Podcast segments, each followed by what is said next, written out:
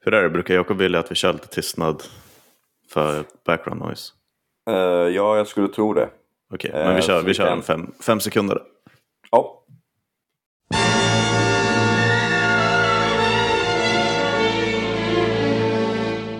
Så, där har jag något att jobba med. Hej och välkomna till Fulkultur. Den eh, sedelärande podcasten om allting som ryms inom det nördiga fulkulturella.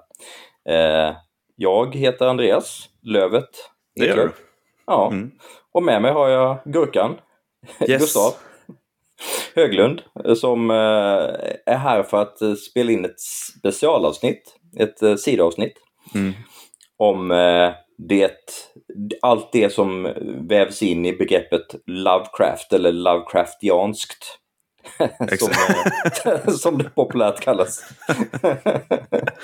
ja. För det, det, det, är ju någonting som både du och jag har hänvisat till vid flertal tillfällen och vi har ja, pratat om det sinsemellan vid upprepade tillfällen. Så tänkte vi att ja, men det här måste vi ju prata om eh, i ett inspelat avsnitt också. Ja, det är ett begrepp som alltid ständigt smyger runt i kulisserna när vi snackar mm. om, om andra saker. Så vi tänkte att varför inte bara, varför inte bara få det gjort och göra ett helt avsnitt om det. Eh, mm.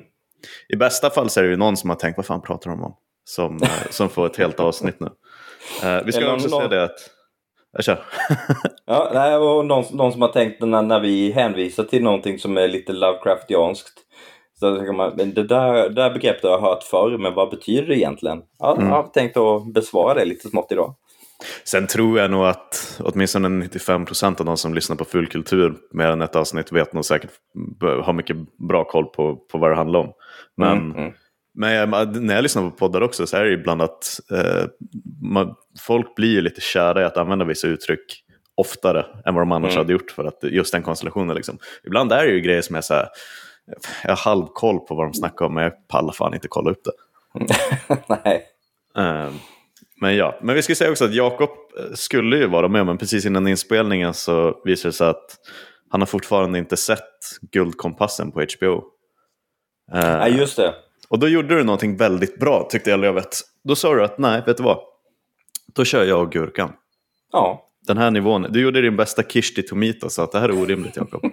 Precis. Det här stil, stilbildande verket kan man inte missa. Ja, vad skulle Amanda säga om hon fick, fick höra dig nu? Precis. Uh, nej, men nej, jag vet inte fan. Han är väl på... han kunde inte vara med den här veckan. Det är säkert ett uh, barnkalas igen. Förmodligen. förmodligen. Ja. Så det blir, lilla, det blir lilla järngänget idag. Det var du och jag Lövet. Men ja. det kommer att gå, gå ack så bra. Stjärnduon. Men eh, innan vi sparkar igång så kan vi bara ta en, en ytterst kort eh, eh, vad har vi gjort sen sist eller vad är, vad är vi extra mm. pepp på just nu? Det är ett stående inslag, så vi, vi kör på. Ja, ja. Känner. Ska jag börja eller?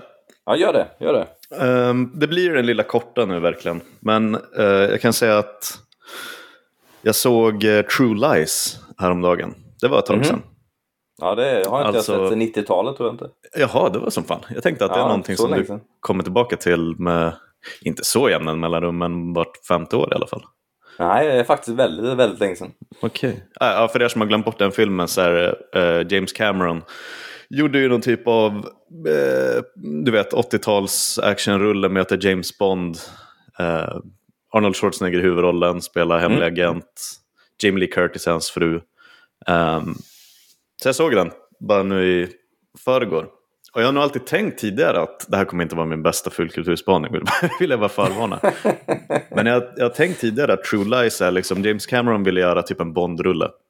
Mm. Um, men tog saken i egna händer, för det är bara så han gör. Så då gjorde han True Lies, uh, och att twisten är ju, liksom, det är mera premissen än en spoiler, men att Jamie Lee Curtis vet inte om att Arnold är hemlig agent. Hon tror att Nej. han är någon typ av sales rep på ett företag. Fastän han är liksom, han är lika rippad i den här filmen som han är i, i Kommando. en väldigt rippad sales rep. Otroligt rippad sales rep. um, och att det är hela grejen att hon blir liksom, ja, hon nästlas in i storyn och hamnar plötsligt i skottlinjen i någon typ av du vet, kärnvapenplott mot, mot Amerika. Mm, um, Och det är ju väldigt kul. Så jag kan verkligen tänka mig att det var någonstans där det började. Att han var så här, tänk om jag hade Arnold som hemlig agent och uh, frun vet inte om det. Men när jag hade sett klart True Lies så rekommenderade jag Disney Plus, ska du inte se Kommando? Och den har jag inte sett sedan 90-talet när jag var typ sex bast. Um, ah. Okay. Ja, den såg jag någon gång på 2000-talet och tyckte, tyckte fortfarande den var väldigt rolig. den är väldigt rolig. uh, det är liksom the quintessential uh, tokdum 80-tals actionrulle med Arnold i huvudrollen. Mm. Uh, men då insåg jag att True Lies är ju kanske mer än en Bondrulle är ju att James Cameron ville göra en kommandofilm. Fast med lite, lite mera kärlek bakom på något sätt.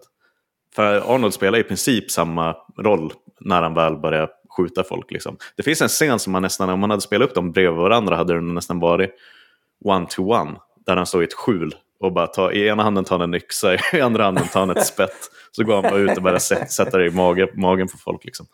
Det minns uh, jag faktiskt inte från uh, True Lies, den scenen.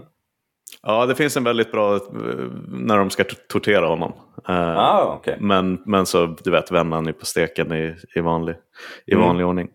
Uh, sen är de så otroligt snygga båda två i den där filmen. Um, han har ju nästan blivit lite mer karikatyr än karaktär, Arnold, genom åren. Mm. Men i den filmen, shit jag vet inte vad James Cameron gjorde. Men både han och Jamie Lee Curtis är så otroligt liksom, estetiskt tilltalande i den där filmen. Mm, ja, det är de verkligen. Men den håller, den håller verkligen. Uh, jag minns mest liksom den här scenen när, när han jagar skur skurken har en motorcykel och Arnold har en häst. Liksom. Och så sen så jagar de varandra upp i, en, i ett höghus. Det är väldigt over the top alltihopa. Men, mm. uh, men jag, jag, tyckte om den. Den, den, den håller. Ett av, ett av James Camerons lite mindre kända verk skulle jag säga när man pratar om hans filmografi. Mm. Ja men det är, det är lite som uh hans take på James Bond möter Mr och Mrs Smith. Mm. Typ. Typ så. Typ så.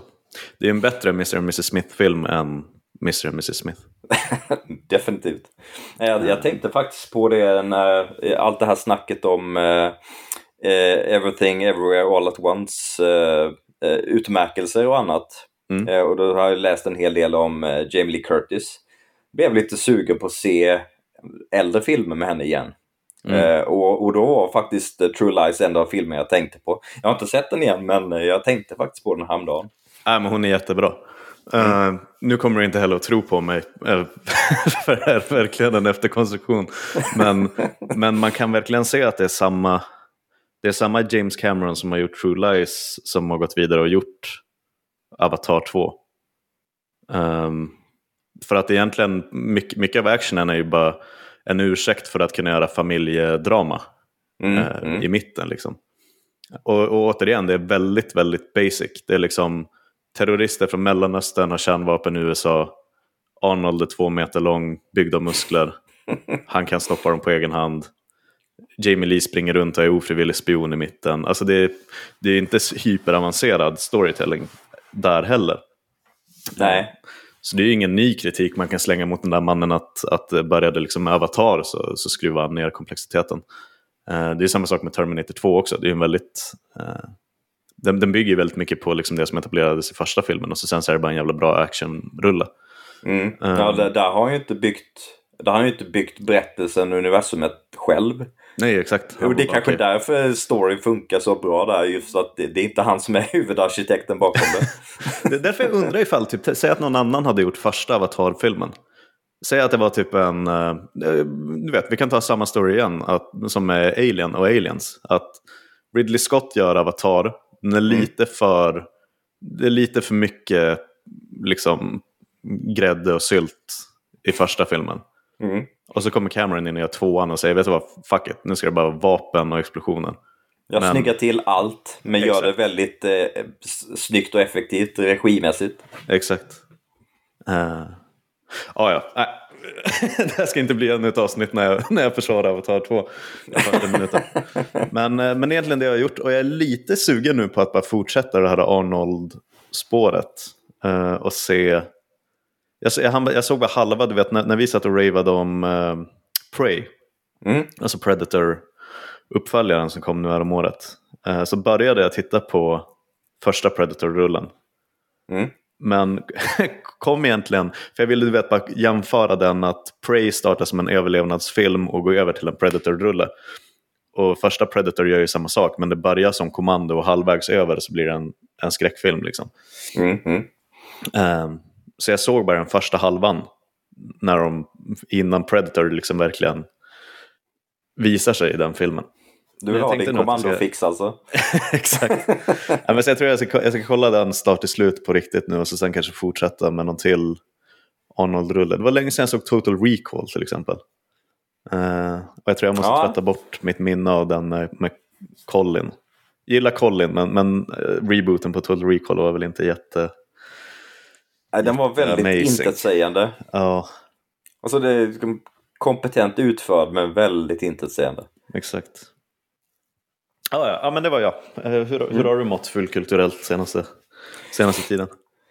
Eh, mycket, mycket fullkulturellt eh, på senaste tid i spelväg och filmväg och tv-serieväg och allt möjligt. Fan vad du eh, Ja, väldigt mycket. Då ska ju också sägas att eh, nästa avsnitt, eh, nästa ordinarie avsnitt, så hade vi tänkt att köra ett stort uppsamlingsavsnitt. För all, alla vi har gjort en massa som vi insåg att om vi ska köra det i vad har du gjort sen sist i början på ett avsnitt så skulle det bli helt orimligt långt. Jag tror vi kände det. Vi kände väl det redan i förra avsnittet som skulle, skulle handla om du vet, verken som, som bara vi fattar eller tycker om. Mm, mm. Men jag tror att två tredjedelar är väl den korta lilla vad har gjort sen sist rundan. Så vi måste nog det, det, blir, nästa avsnitt blir väl något sånt, full kultur om eh, du vet, året so far på något sätt. Mm. Och uh, kanske kasta in lite om vad tankar om resten Framtiden. av året. Hur rätt har vi haft hittills? Lite så. Ja, exakt. Så därför den här gången tänkte jag bara nämna det att uh, jag har varit och tittat på film uh, jag tror tre gånger under en månads tid på Bio Capitol. Ja, det är lite nästan snuskigt. Ja, det är nästan snuskigt mycket. Och innan dess var det säkert, innan den första av de tre gångerna så var det säkert två år sedan jag var där senast. Oh. Eh, och då hade jag bara varit där två gånger innan. Så nu har jag, jag mer än 100% att eh, mitt, eh, mitt besök ratio på Biokapitol. Och det är väldigt trevligt måste jag säga.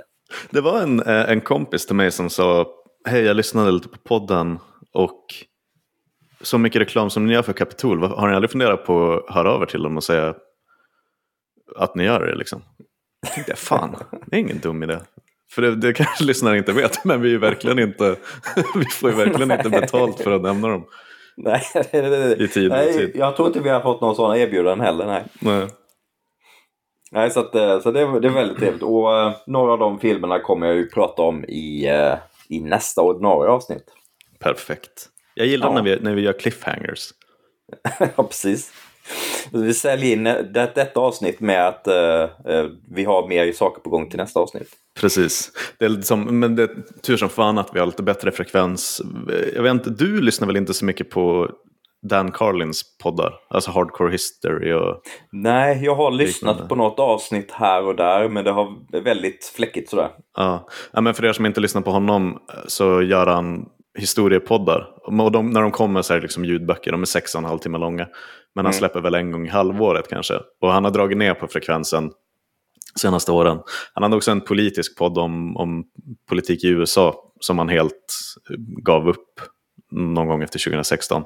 Men, men han hade en förmåga där att när han släppte liksom ett litet bonusavsnitt så gav han en liten update eh, om, om nästa, nästa Hardcore History-avsnitt. Men det, var ju, det blev ju bara blue balls av det där. Att det kom någonting, det plingade till så såg man att ah, det var inte nästa Hardcore History. Det var bara avslutande alltid med att säga att It's coming. Så det är lite så George R. Martin-varning på den där mannen ibland. Mm. Eh, men jag tänker att eftersom att vi släpper åtminstone en gång i månaden nu för tiden så kan vi ju säga nästa avsnitt, då jävlar. Ja. Ja. Ja men men eh, i, det, i det här avsnittet ska vi ju prata om eh, Lovecraft, H.P. Lovecraft. Mm. Eh, och jag tänkte vi, vi, vi kan ju börja med en liten här, sammanfattning av vem var H.P. Lovecraft och hans mest så, kännetecknande verk. Men det vi, det vi har tänkt fokusera på är egentligen eh, Lovecraft i vår värld och vilka som är de stilbildande verken för oss och vad som utgör ett, ett Lovecraftianskt verk. Så, så det blir mindre av ett, en analys av eh, Lovecrafts egna verk och mer av en utforskning av hur vi ser och har upplevt Lovecraft i fulkulturen under åren.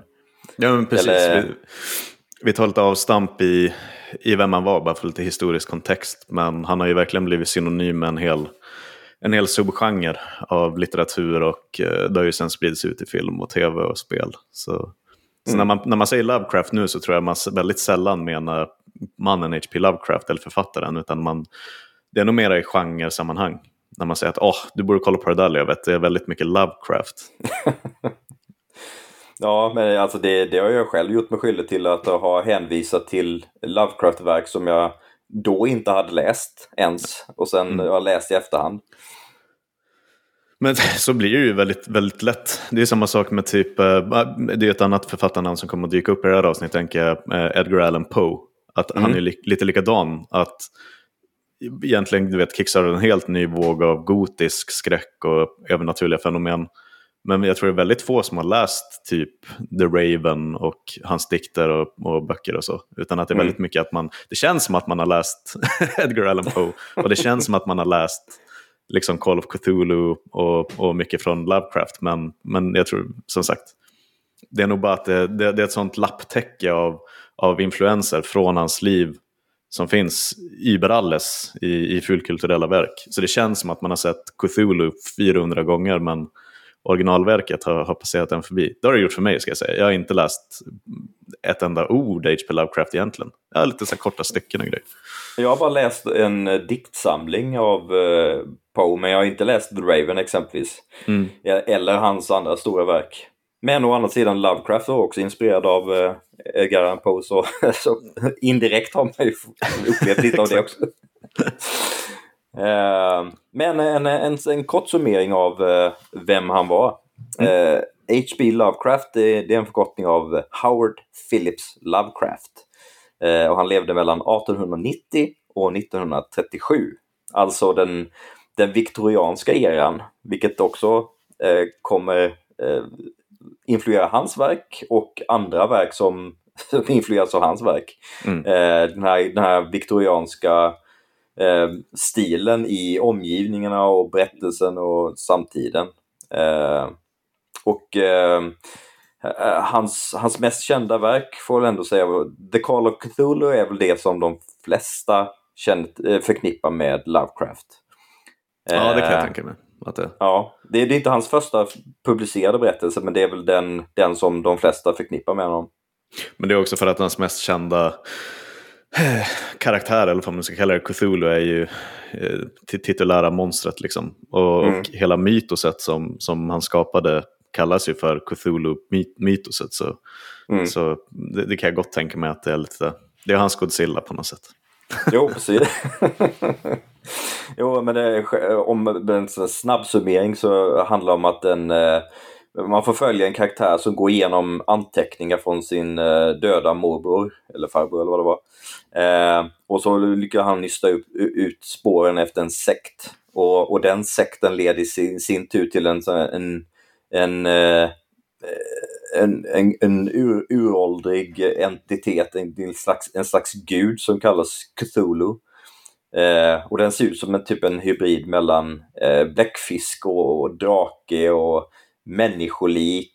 Eh, även om jag minns inte riktigt om, om den beskrevs som människolik i, i hans ursprungsberättelse eller om det, om det har tillkommit i efterhand. Men, men själva entiteterna har, ser, ser ut som en, en, en drake med bläckfisk eh, tentakler i, i ansiktet.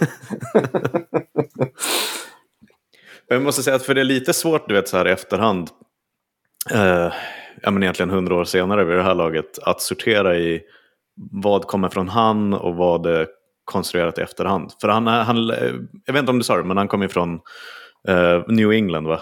Mm. Uh, och mycket av hans stories utspelar sig i väldigt New England-liknande viktorianska miljöer.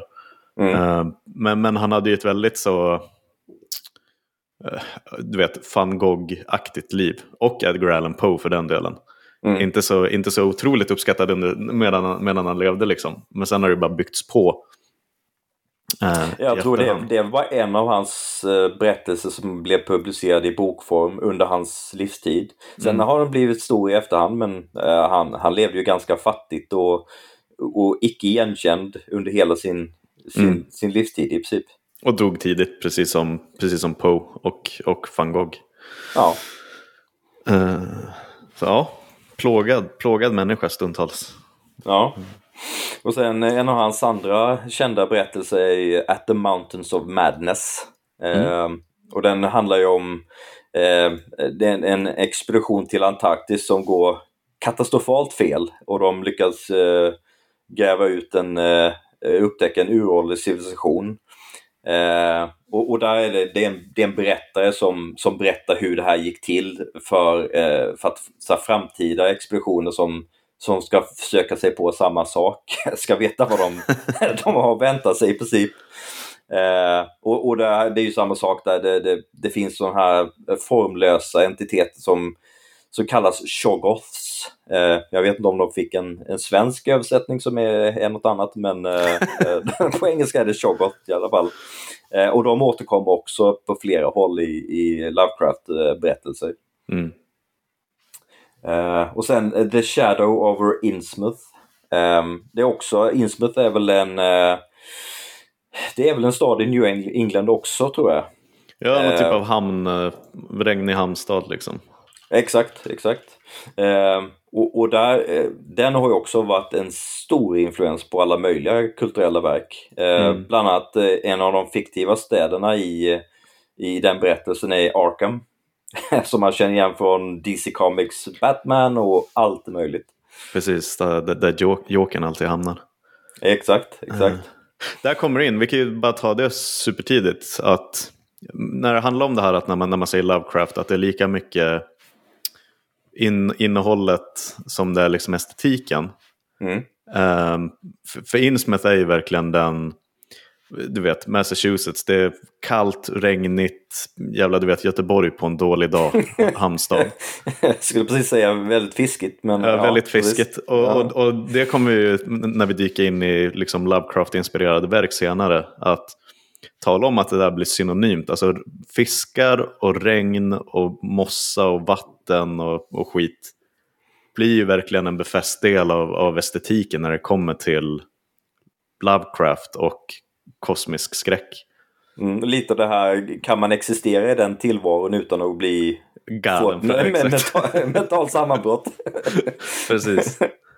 ja, för, för det är just i den berättelsen, det kom lite av det här eh, det, det jag ser framför mig, om man nu pratar om film eller spel, eller, eller det, det jag ser framför mig när jag läser den här berättelsen. Mm. Händer, det, händer det i det här universumet på riktigt? Eller är det bara en, en galen hjärnas eh, sinnesbilder? Eh, händer det här på riktigt eller är det bara en, ett mentalt sammanbrott? Man mm. inte riktigt vet vilket. Det har ju använts eh, i alla möjliga former under årens lopp. Och det, mycket av det, det som är skräckinfluerat, det, det kommer ju från, från den här berättelsen. Ja, men precis. Nej, men det är verkligen, alltså, för det är lika sant som det är i, i musik, att någon hittar liksom ett sound och så finns det någonting där som folk bara hakar på. Uh, och så börjar all, allting låta likadant och även liksom 50-100 år senare så är det fortfarande, liksom, det, det finns sådana basala byggstenar som alltid mm. ska vara med. Och, och många av dem liksom även nu liksom, om man ska göra någonting som liknar kosmisk skräck eller Lovecraft idag 2023 så är mycket av hörnstenarna det som man inte rubbar på för där är inte längre mm, liksom kosmisk skräck kommer ju från de här stilbildande verken från, från Lovecraft. Mm. Ja. sen eh, den, den, sista berättelsen som, som jag faktiskt inte har läst själva ursprungsberättelsen är The Shadow Out of Time. Mm. Eh, som så här, kort sammanfattat handlar om att man, man, man kan resa genom tiden genom att överföra sitt sinne till någon annan. Så man, man kan byta plats och man kan till och med byta tid med någon annan som existerar på en annan plats och tid. Och det har ju också använts i science fiction massvis. Mm. Eh, men, men där har jag faktiskt inte läst själva ursprungsberättelsen. Det är bara en sammanfattning jag har läst av den. men men, men det, det, är också så här, jag har ju sett massvis med filmer som, som har den sortens berättelse. Och jag, då har inte jag vetat att ja, men det kommer från en, en Lovecraft-novell. Mm. Ursprungligen. Så där, där, ser man ju bara hur, hur stilbildad han faktiskt har varit, även om man inte kände, kände till det. Mm. Eh, men jag tänkte också på det där, eh, när man pratar om Lovecraftianskt. Då är det är ju ofta, det återkommer är att antingen är det någon, någon form av kosmisk skräck, alltså det, det finns någonting i universum eller någon parallell dimension eller parallell verklighet mm. eh, som, som, får, som får jorden och vår, vårt universum, vår verklighet att, att verka obetydlig eller liten i ett, i ett större sammanhang. Mm. Eh, och så viktoriansk stil, eh, osäkerheten om, om det man ser faktiskt är verkligt eller bara någon eh, sin, sinnesförvriden eh, noja eller liknande. Eh, så jag tänkte vi bara kunde eh, prata lite om vad, om, om vi ska definiera vad, vad som är Lovecraftianskt för vår del och, och vad som inte, alltså det, det, som, det som kanske kallas Lovecraftianskt men som vi, vi inte riktigt tycker är, är det för, för vår skull. Liksom, vår sammanfattning eller vår definition av vad vi tycker är en, ett Lovecraft-inspirerat verk. Fan, det vet du menar att vi ska göra det vi är bäst i den här podden. Vi ska, vi ska hacka upp eh, ett begrepp och verkligen naila det en gång för alla. Ja, precis. Väldigt konkret. ja, men det blir matsticken från och med nu. Det var ju det vi gjorde med... Vi tog ju död på en hundraårig debatt när det kom till fantasy och science fiction förra året. Så jag tänkte det här, det här är ju piece of cake. Ja, ja, ja. Det gör vi på en användning. I, i, i, liksom, i eh, Svenska Akademins ordlista. Referera till fulkultur, det innebär det här. Precis. Um, Wikipedia bara en länk på.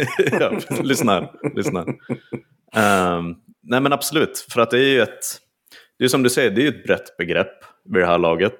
Mm. Uh, som är, har spridits från ett frö som, som H.P. Lovecraft sådde i början på 1900-talet. Liksom. Um, och det finns ju så många attribut och liksom troper som man kan packa in i, mm. i Lovecraft eh, kylskåpet. Liksom. Men, men, men som du säger är ju kosmicismen är ju en del, liksom den kosmiska skräcken. att Inte så mycket skräck i sig, men mer bara en utgångspunkt att människan är en bara försvinnande liten del av det som händer i kosmos. Mm. Och att det, det, det, tar sig ofta uttryck i att man liknar människor vid ja, men nästan till du vet, spädbarn när, när allting kommer kring. Att det är så mycket vi inte vet eller kan förstå. Mm. Och så bygger ju ofta Lovecraft, som nu när du tog upp då att Mountains of Madness och Call of Cthulhu, att den narrativa strukturen han hade var ju väldigt mycket att någonting har redan gått fruktansvärt fel. Um, och folk har blivit galna till höger och till vänster och att det är någon som upptäcker i efterhand nästan. Mm. Uh, så, så både Lovecraft själv och det som har blivit synonymt med genren är att det finns en massa grejer som vi inte vet om universum och kosmos. Och att bara få en liten, en liten smygkik på, på vad som egentligen pågår är för mycket för den mänskliga hjärnan att ta in. Så man blir mm. helt, eh, helt kaka i huvudet liksom. Um, men återigen, att, att det, det, det bygger ifrån liksom grund, grund, uh, grundorsaken är att vi, vi, är bara en liten, liten, liksom, eh, ett litet sandkorn i, i allt som pågår. Eh, och att det finns, du vet, entiteter och varelser som är helt bortom våran, vad, vi ens kan förstå själva liksom. Mm. Eh, men sen som du sa, att väldigt mycket viktorianskt kommer ifrån, om man verkligen ska göra någonting, det här är inspirerat av eh, Cthulhu-mytos och Lovecraft, så är det ofta regn, hamnstäder, viktoriansk era, eh, du vet sådana dagböcker som ser ut som, jag tänkte fan alltid på det att man hade, hade ni mycket sådana dassböcker och grejer på, i badrummet när du var yngre? Inte vi i vår familj, men det fanns eh, familjer som hade det. Eh. För, du vet ju sådana liksom, eh, böcker och tidningar som man har inne i badrummet över lång tid.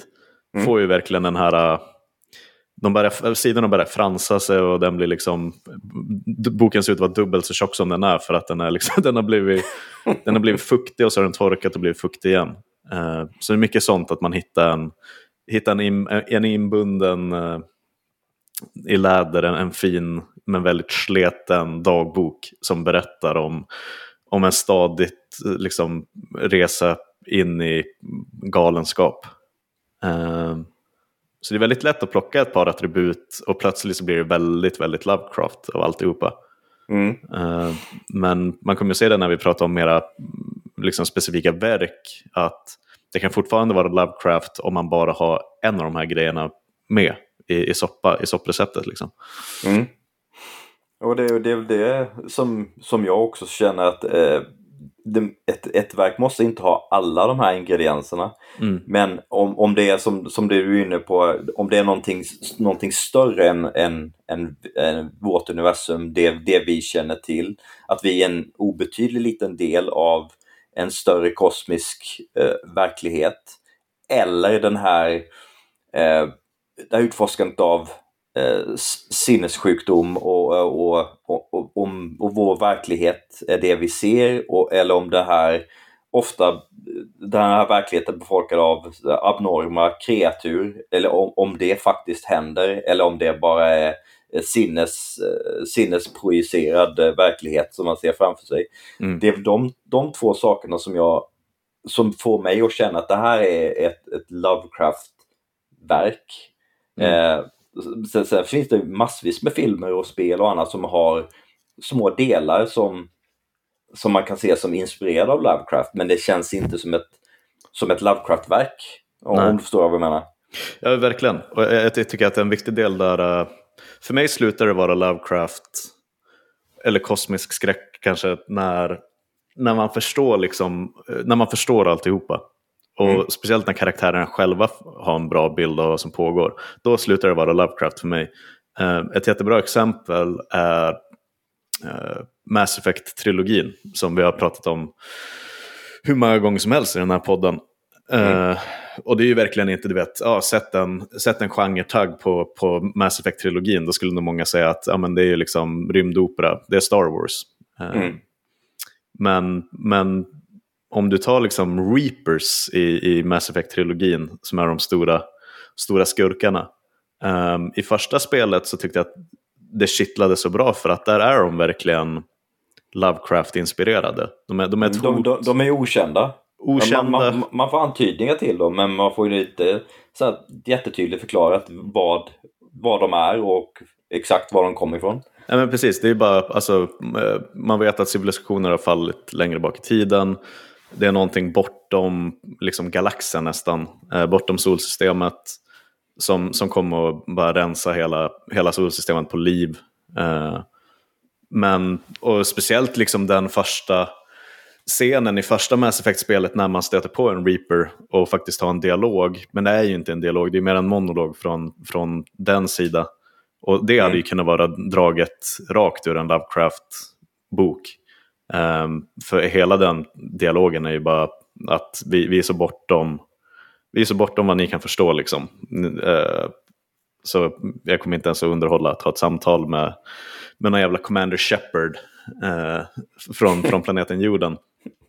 Men sen så tappar de ju, så, det så jag tycker att i Mass Effect 1 så, så är skurkarna verkligen Lovecraft på det sättet. De har ju deras förmåga att liksom influera människor i deras omgivning med den här indoktrinerings grejen som de håller på med. Det tycker jag är mm. väldigt Lovecraft, att folk blir galna i deras omgivning.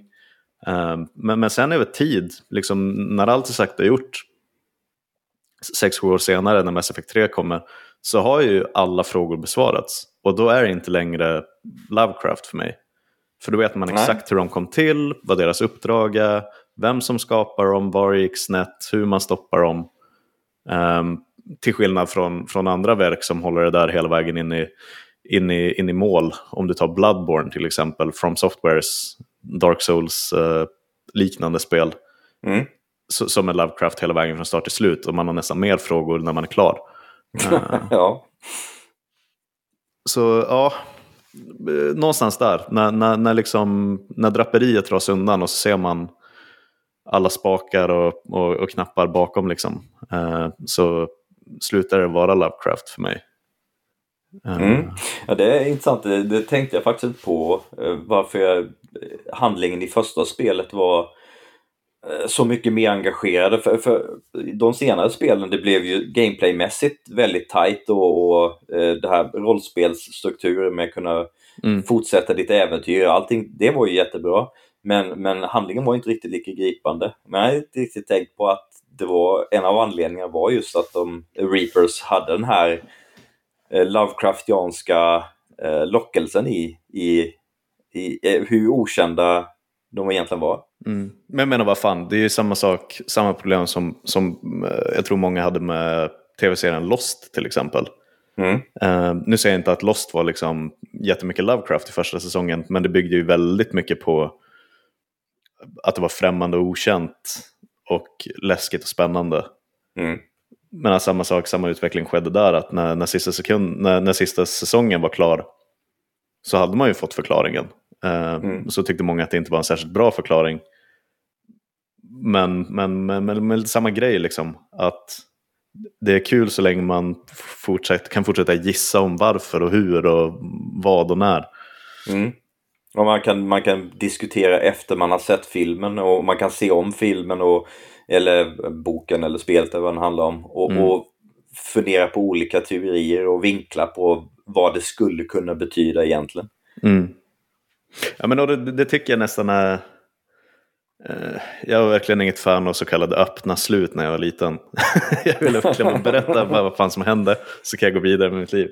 Eh, men jag tycker nästan att när man pratar om Lovecraft och kosmisk skräck som, som genre så tycker jag nästan att det, det är inte en, det, det, är inte en eh, liksom pusselbit som alltid måste finnas där. Men Nej. Men jag tycker nästan att det är befogat. Det kan, det kan inte vara ett helt stängt slut när Lovecraft är med i bilden. Utan det ska alltid vara, som du säger, frågan om var det där på riktigt? Eller var det bara någonting som skedde i en galen persons huvud? Mm. Eh, och att det ska vara några sådana frågor som inte blir besvarade. För att det, är det som gör att det kittlar, att vi inte själva vet. Karaktären vet inte och vi som läser eller ser eller spelar fattar inte heller hela bilden. Nej, för det, det tänkte jag med, med mina exempel på vad, vad jag tycker är eh, vad som kanske kallas Lovecraftianskt utan att utan att, att det kanske har de här komponenterna som jag tycker att det ska vara för att det ska vara Lovecraftianskt. Och det, det är ett exempel har du redan nämnt, The Thing. Mm. Eh, eh, där, där är ju det egentligen om man, i grunden så handlar det om ett, ett utomjordiskt hot som, som grävs upp och sen så utsätts en, eh, en grupp eh, arktisforskare eh, för det här hotet. Och det, det Lovecraftianska där är väl egentligen det här med det okända i vem, vem, vem av oss är infekterad eller assimilerad.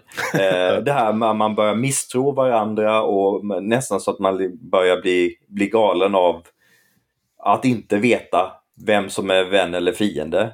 Men det, det, det, ser jag egentligen mer som en sci-fi berättelse som, som handlar om misstro och osäkerhet snarare än någon slags kosmisk eh, utforska det kosmiska okända på något sätt. Men jag vet inte, eh, hur ser du på det?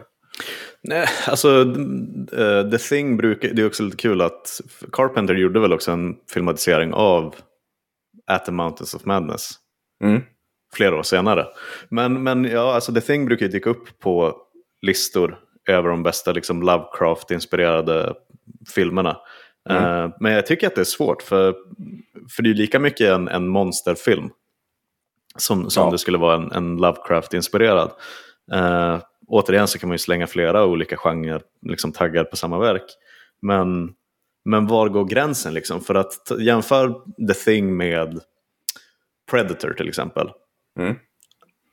de två liknar ju varandra väldigt mycket på sätt och vis. Att en, en betydligt mer avancerad, eh, liksom främmande varelse kommer till jorden och ett gäng människor måste liksom eh, ta, ta itu med det, eller vad man ska mm. säga.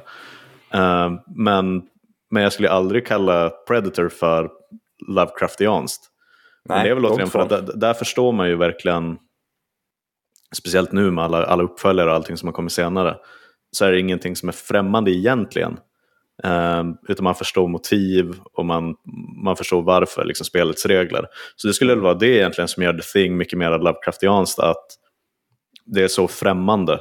Och, och som du säger, att det handlar om assimilation och uh, att misstro personen som står bredvid en uppe i liksom, den antarktiska stugan.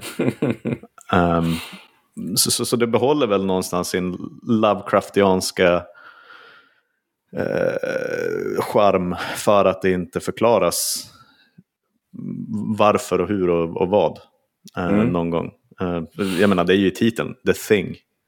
Eh, man ska inte förstå liksom. Nej, men, sam men samtidigt så om, om man bara ska se det där som att eh, man vet ju inte varifrån kommer den här saken, the thing. Eh, och, eh, kommer den från en, en, en, planet där den här sortens assimilerande varelser är vanliga? Eh, mm. Är det här från en annan dimension eller verklighet? Det tas ju inte upp i berättelsen så att det skulle kunna vara en Lovecraftiansk eh, grund i det. Mm. Men i och med att inte, filmen inte antyder någon sån, någon sån grund så skulle man egentligen kunna sätta en Lovecraft-stämpel på det mesta om, mm. som, som har någon form av utomjordisk entitet eh, som man inte vet så mycket om. Men vad fan, jämför det här då. Eh, om du tar Godzilla till exempel. Mm. Eh, speciellt inte den bästa, men, men den med äh, Matthew Broderick och 98. från 90-talet. 98-versionen, ja. är det 98? Mm. Ja. ja. Uh, för den börjar ju liksom med backstoryn att så här, kärnvapentester i Bikiniatollen bara gör en jävla ödla gigantisk, kommer till mm. New York och slår sönder byggnader.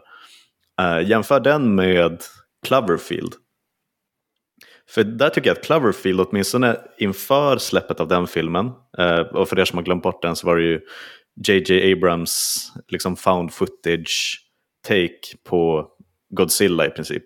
Mm. Eh, gigantiskt monster som dyker upp i, i New York och lever rövare. Eh, och så får man följa ett gäng människor som har en hand, handhållen kamera egentligen. Den hade ju väldigt, väldigt mycket Lovecraft runt sig, tycker jag. Mm. För att det var, allting byggde ju på att man inte visste varför är det här monstret i New York? Var kom det ifrån? Är det från jorden eller är det från rymden? Och det var ju mästerligt gjort hela liksom, PR-kampanjen och, och alla sådana augmented reality spelinslag kring, kring mm. filmen innan den kom. Uh, så du vet, jag skulle säga att är primärt ett Lovecraft-verk? Eh, Cloverfield? Nej. Det är liksom en, en take på monsterfilmer i, i samma stil som Godzilla. Mm. Men, men det finns ju där, just det där liksom okända, att det är läskigt för att vi inte vet varför. Mm. Uh, och det är väl det som, som lockar lite och det, det kan ju säkert vara indirekt inspirerat av Lovecraft som, som mycket annat. Mm. Eh, och, och, om det är en av elementen som gör att man uppskattar verket, då är det ändå eh, ett Lovecraft eh, en Lovecraft-egenskap, om än kanske lite indirekt. Mm. Men därför är det väl samma sak, jag, jag, jag har också tittat på sådana listor, vad, vad, vad anser andra vara Lovecraft? Och då kom den här uh, The Lighthouse, uh, Robert Eggers film. Jag vet inte om du har sett den? Jag har sett den. Ja. Uh, och jag är beredd att hålla med faktiskt. Mm, och där är det ju det här utforskar av uh, uh, är det, en, en galen, eller galna människors sinnen. Vad av det vi ser och varelser och händelser, vad av det vi ser händer på riktigt och vad är bara en, en galen hjärnas projiceringar. Mm. men det är bara, bara den aspekten av Lovecraft. men ser du det som ett, ett Lovecraft-verk eller bara som en eh, skräck kan man kalla det, men eh, någon psykologisk thriller-aktigt med ja, kanske element av Lovecraft i sig. alltså i fallet The Lighthouse skulle jag säga att eh, mm, om nu de här andra exemplen som jag har radat upp använder sig mer av liksom skräcken för, för det okända och det som är mycket, mycket större än oss. Mm. Så tycker jag att Lighthouse är Lovecraft för att det använder den andra delen, kanske mer de liksom estetiska bitarna. Uh, att det är, du vet, det är fiskmåsar och det är mossa och vatten och folk som är galna. Sjöjungfrur. Folk blir galna och vi vet inte varför. Så att det är den där, uh, om, om typ Shadow over Innsmouth och, och H.P. Lovecrafts verk både har de kosmiska inslagen och det här vattendränkta eh, sinnessjuka. Mm. Så är det liksom Mass Effect använder sig av den kosmiska skräckbiten medan Lighthouse skiter i det och, och behåller eh, du vet, folk blir galna. Alltså, Lighthouse är mera för mig lappsjuka på något sätt. Men, mm. men lappsjuka är ju en, definitivt en del av Lovecraft. Uh, och det blir väl, man bjuder väl in just till jämförelse med Lovecraft för att uh, liksom estetiken säger Lovecraft. Mm. Jo men det, det är ju lite det här uh, att om man, om man tittar på filmen, man får inte allting förklarat.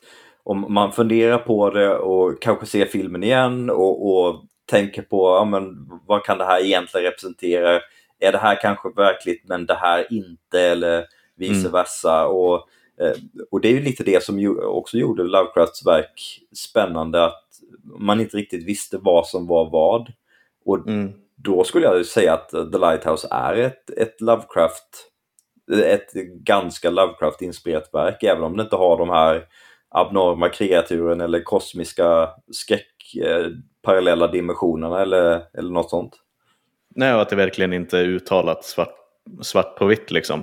Det är ju inte så att The Lighthouse går vidare in i någon, så ja men det har funnits en sekt på ön och de har tillbett någon. Alltså det, eh, det går ju inte in så explicit in i typiska Lovecraft-troper liksom. Mm. Men, men det finns ju där. Och när man bara backar tillbaka ett steg och tittar på helheten så känns det ju främmande och Lovecraftianskt på något sätt. Mm. Uh, ja, det är nog jag tror vi börjar närma oss, kristallisera ut någonting här. Mm. Uh, men ja, det, det jag skulle säga är knyta ihop alltihopa i det här uh, liksom skräcken för det främmande, människans uh, liksom lilla, lilla del av det kosmiska skådespelet och vi är inte alls redo för att ta in hela sanningen. Liksom. Mm. Uh, för det är, det är ett begrepp som, som dyker upp överallt egentligen. Det här, det, på engelska är det the, the eldritch truth. Jag vet inte om man ska översätta det till svenska. Liksom. Men att det finns en, det finns en sanning om, om hur allting funkar. Mm. men, och mycket bygger på att vi inte alls är redo att dra undan liksom, dra undan draperiet och titta på det. För då, då sprängs hjärnan liksom. ja, precis. Och mycket av det liksom att de, de som har blivit galna är för kanske att de har blivit exponerade för mycket av sanningen.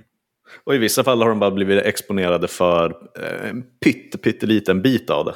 Eh, mm. men, men att det räcker för, för att helt tappa det liksom. Eh, så ja, men vi, vi kan vara rörande överens om att man behöver inte ha alla bitar för att det ska kännas Lovecraft. Uh, Nej. Det, det räcker med att plocka lite, plocka lite grann för att sätta ja, lite Lovecraft-prägel. Jag tänkte faktiskt på det här eh, för, ja det var några, kanske några månader sedan, men jag såg en film som heter Starfish. Har du sett den? Starfish? Nej. Nej, det är en, eh, en regissör, eh, manusförfattare och kompositör som har gjort en indiefilm eh, som heter Starfish. Eh, och eh, eh Den kan ses som typ som en allegori för sorg. eh, där man får följa en, en ung kvinna som eh, hennes, hennes bästa kompis har gått bort. Mm. Eh, och så ska hon, ska hon sörja henne och så upptäcker hon att hon, den här kompisen innan hon dog har spelat in ett antal kassettband. Mm. Eh, och på de här kassettbanden så finns det en eh, det finns en kod till, eh, för det, det, fin, det finns något så här utomjordiskt eh, paranormalt, man vet inte riktigt, något, något hot som håller på att typ förstöra världen. Eh, verkligheten som vi känner till det.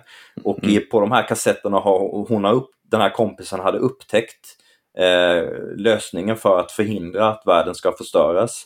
Och så spelar hon in eh, på, på, på de här massa kassettband och sprider dem i stan så att hennes kompis som hon tror ska kunna Eh, knäcka den här, den här koden eh, och förhindra att verkligheten förstörs av det här hotet. Eh, att hon ska kunna göra det.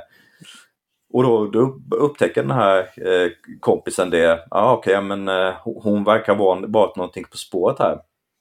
Och medan hon upptäcker det här så börjar världen runt omkring henne eh, gå åt helvete. Och det börjar dyka upp massa skumma kreatur. Och, och jag var så här, för, för det står i början av filmen också så här, inspirerad av en verklig berättelse. Mm. Eh, och då, då, ska den vara baserad på eh, en, verklig en verklig händelse där eh, en, en kvinna och en man i USA, eh, han, mannen drabbas av en så allvarlig hjärnsjukdom av något slag och han stök med och att det här liksom skulle vara baserat på den, den eh, utvecklingen där. Och då, då föreställde jag mig någon, en helt annan typ av film. Mm. Eh, och så när när jag såg det här med kassettbanden och koden och de här varelserna som började dyka upp och hur, hur världen raseras runt henne. Jag tänkte bara, men det där baserat på verkligheten, det måste ju vara någonting väldigt löst. väldigt löst baserat på det.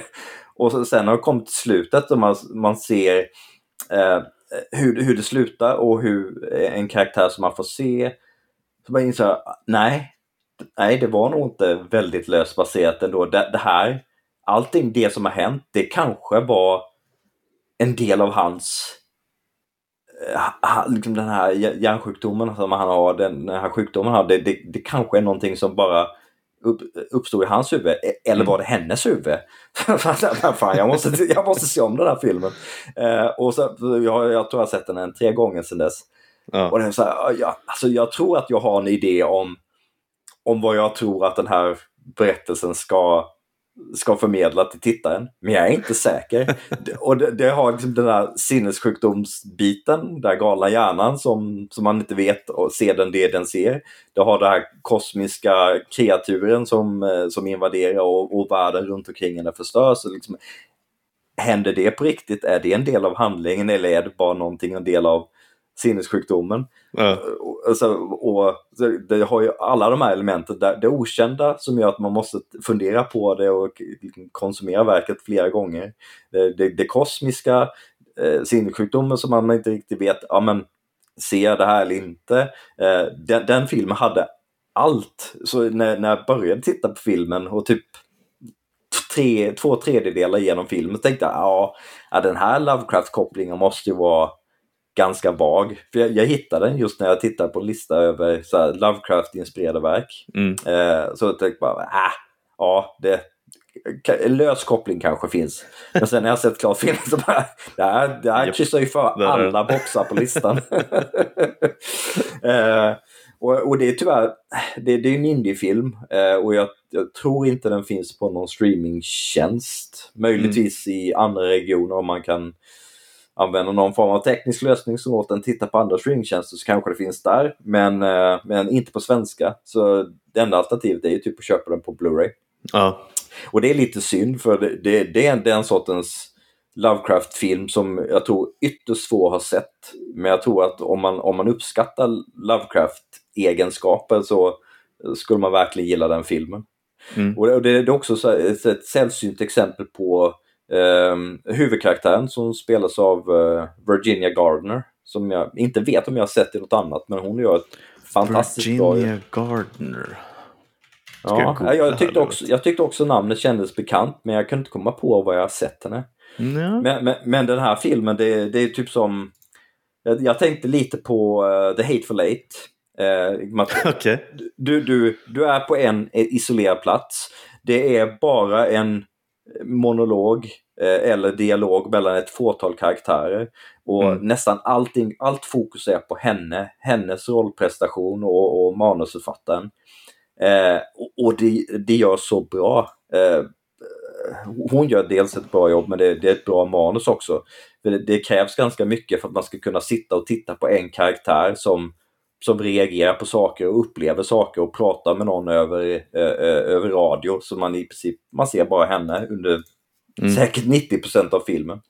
eh, och ändå är det, liksom, så, är det så fascinerande och så, så gripande. Eh, och sen lite, lite meta, me, meta, metaberättelse också. Han, han bryter regissören A. A.T. White, har jag för mig att han heter. Uh, han bryter fjärde väggen också i filmen. Okay. Utöver allt det andra. Uh, vilket var väldigt fascinerande. Så kan man ju fundera på vad betyder det då? De har hänvisat till uh, inspelningen av själva filmen och regissören och skådespelaren. Uh, okej. Okay. eh, så det, så det, det, det, är så tråkigt att så, förmodligen så få kommer, kommer se den filmen. Eh, om de inte bestämmer sig för att bara tro på mina ord och beställa Blu-ray. Men, eh, men det är ett skitbra det, tips måste jag säga. Uh... Ja. Ja, för, det, för det, där, där kände jag verkligen att det, det är inte många filmer så, eller verk som lyckas kryssa för så många av Lovecraft eh, checkboxarna eh, mm. som den filmen lyckas med. Men det är ju också, eh. för det ska sägas att, lite som jag var inne på nu, man kan hitta spår av Lovecraft lite överallt. Men att som, som genre, när, när man mer liksom strikt går mot att någonting ska vara Lovecraft, så är ju inte det liksom mainstream kultur. Det finns inte många AAA-produktioner som verkligen uttalat är Lovecraft när Nej. det kommer till film och tv. Uh, sen, sen dyker det upp inslag liksom. Uh, men, men, men det är ju lite, googlar man liksom Lovecraft movies, man får ju fram mycket B-skit alltså. uh, ja. Så att det är en lite mer obskyr indiefilm som du tipsar om nu. Mm. Skvallrar väl lite om liksom, hur genren ser ut på, på filmfronten. Men jättespännande tips måste jag säga. Mm. Ja, han den här A.T. White är ju en, eh, en, en filmnörd av episka mått. Mm. Uh, han, han har ju skrivit, regisserat och gjort musiken till filmen själv. Mm. Uh, och han har den här Blu-ray-releasen är typ som en, en samlarutgåva för det soundtracket till filmen finns på en CD-skiva i boxen. Uh, och han, han i det här introt till filmen pratar han om att uh, det här är kärleksbrev till uh, fysiska releaser och uh, samlarutgåvor. Mm. och att han på grund av pandemin så hade han inte kunnat göra lika mycket extra material som han hade velat och det är ändå ganska mycket extra material. Mm. och att han har, han har så 16, jag har för mig att han sa typ så 16 000 fysiska filmskivor eh, i, i containers på olika kontinenter. till och med jag står mig ganska slätt eh, jämfört med denna A.T. White. Eh, så, så, av den anledningen också kan jag, kan jag tycka att eh, kan jag tipsa om att om man tycker det låter intressant att man köper Blu-ray för, eh, för, för han, han, lyfter verkligen fram det som att det, det är ett kärleksbrev till de fysiska releaserna när, när det blir allt mer mm. ovanligt eller samlarutgåvor i, i filmvärlden att det också är ganska ovanligt nu för tiden. Eh, så det, det, ja, det, det, det, var väldigt kul att uppleva det. Känns som en människa som är satt på jorden för att, liksom, för att du har drömt upp honom. ja, men det var också roligt. Han, han nämnde att han, han och eh, gäng andra har en podcast som heter We Are Geeks. Eh, med vår tanke på våra tidigare arbetsgivare var lite intressant. Uh. Och så lyssnade jag på ett, ett, av avsnitten och det handlar om uh, Hajen 4, The Revenge. jag bara, men det här är fantastiskt. så det kan också vara tips till den här. Det är inte Lovecraft-kopplat men uh, den podcasten de avhandlar många intressanta ämnen med en god dos av humor också. Så om ni som lyssnar eh, tänker vad fan är Lövet någonstans när det bara är jag och Jakob nästa avsnitt så är det för att han har bytt, han har bytt podcastgäng helt enkelt. ja, nej då, nej då. Aldrig, aldrig. Uh, en grej som jag... Det var på tal om det med att bryta fjärde väggen förresten. Mm. Uh, så är det någonting... Det är bara en panel i typ en serietidning. Jag är ju verkligen inte någon som har läst mycket serietidningar. Förutom kopiösa mängder mm, liksom Kalanka Pocket när jag var liten. Mm. Men, uh, men det finns någon panel i X-Men när Professor Xavier ska läsa Deadpools tankar. Och Deadpool som bekant vet ju om att han är en serietidningsfigur. Det är ju mm. hela hans liksom, stick. Och att det är lite Lovecraft över det. För att när Professor Xavier läser Deadpools tankar så får han ju näsblod och blir helt kajko i huvudet. För att det är för mycket att ta in liksom. Uh, och just den lilla biten tycker jag alltid var lite så det är lite Lovecraft över det där. Han blev exponerad för for the Eldritch truth och tappade det liksom. ja, det, jag har aldrig tänkt på det på det sättet men ja, du har något där. Och när vi ändå är inne på tecknat så tycker jag att det alltid var lite, minst när jag var liten och tittade på Teenage Mutant Ninja Turtles. De hade ju, alltså, det var ju alltid ett inslag av kosmisk skräck där även fast det var liksom eh, sköldpaddor och pizza i, i New York. Mm. Eh, där liksom Shredders boss, fan hette han, den här hjärnan? Crank. Crank. Crank. Crank. Mm. Han, hans Crank. plan var ju alltid Crank. att öppna, ja Crank. Crank ville mm. väl alltid öppna en portal till dimension X eller något sånt där skit och bara ja, strö, strömma in uh, Cthulhu-monster in i, in i New York liksom. uh, ja. Och att, att det alltid var liksom det stora hotet. Så även där liksom i, i Teenage Mutant Ninja Turtles har du, har du spår av spår av Lovecraft liksom. Ja, jo, precis. Ja, vi skulle, åkte inte The Technodrome in och ut ur den här eh, X-Dimension också? Säkert. Ja, just det. Var en sån stor Globen-byggnad. Där de, ja. Exakt. Shit, jag måste se mer Teenage Mutant Ninja Turtles. Alltså, alltså de, är, de är fortfarande sköna. Ja. Men tala om någonting som inte har dykt upp så mycket i, i några av filmerna, liksom live action-filmerna. Det har inte varit så mycket så mycket Krang i dem va? Nej, nej eller den här um, andra den andra Michael Bay eh, det var väl inte Michael Bay som regisserade men han var inblandad på något sätt. Nej, men, jag har inte eh, sett dem måste jag säga. Eh, jag har sett den första och jag har sett trailern till den andra. Eh, det, det, är möjligt att Krang är med i den andra, jag har inte heller sett den. För jag blev så avtänd av den första. Är det när Megan Fox spelar April O'Neil? Ja, exakt. Exakt. right. Det var hon när hon var på utvisningsbåset för Michael Bay. Just Jag tror hon, hon har liknat stor... honom vid Hitler. Ja, så är det va. Right. Det jag glömt bort eller förträngt. Just det, vi, det, det släpptes ju en eh, trailer för Seth Rogans uh, uh, Turtles-film ju. Jaha, ja just det. Den, såg, den, ja. den tyckte vi till om allihopa i, i slacken. Exakt. Jag ser fram emot den. Ja, den, den såg ju härlig ut. Mm. Men jag tror inte det kommer vara så mycket Krang och Lovecraft i den dock.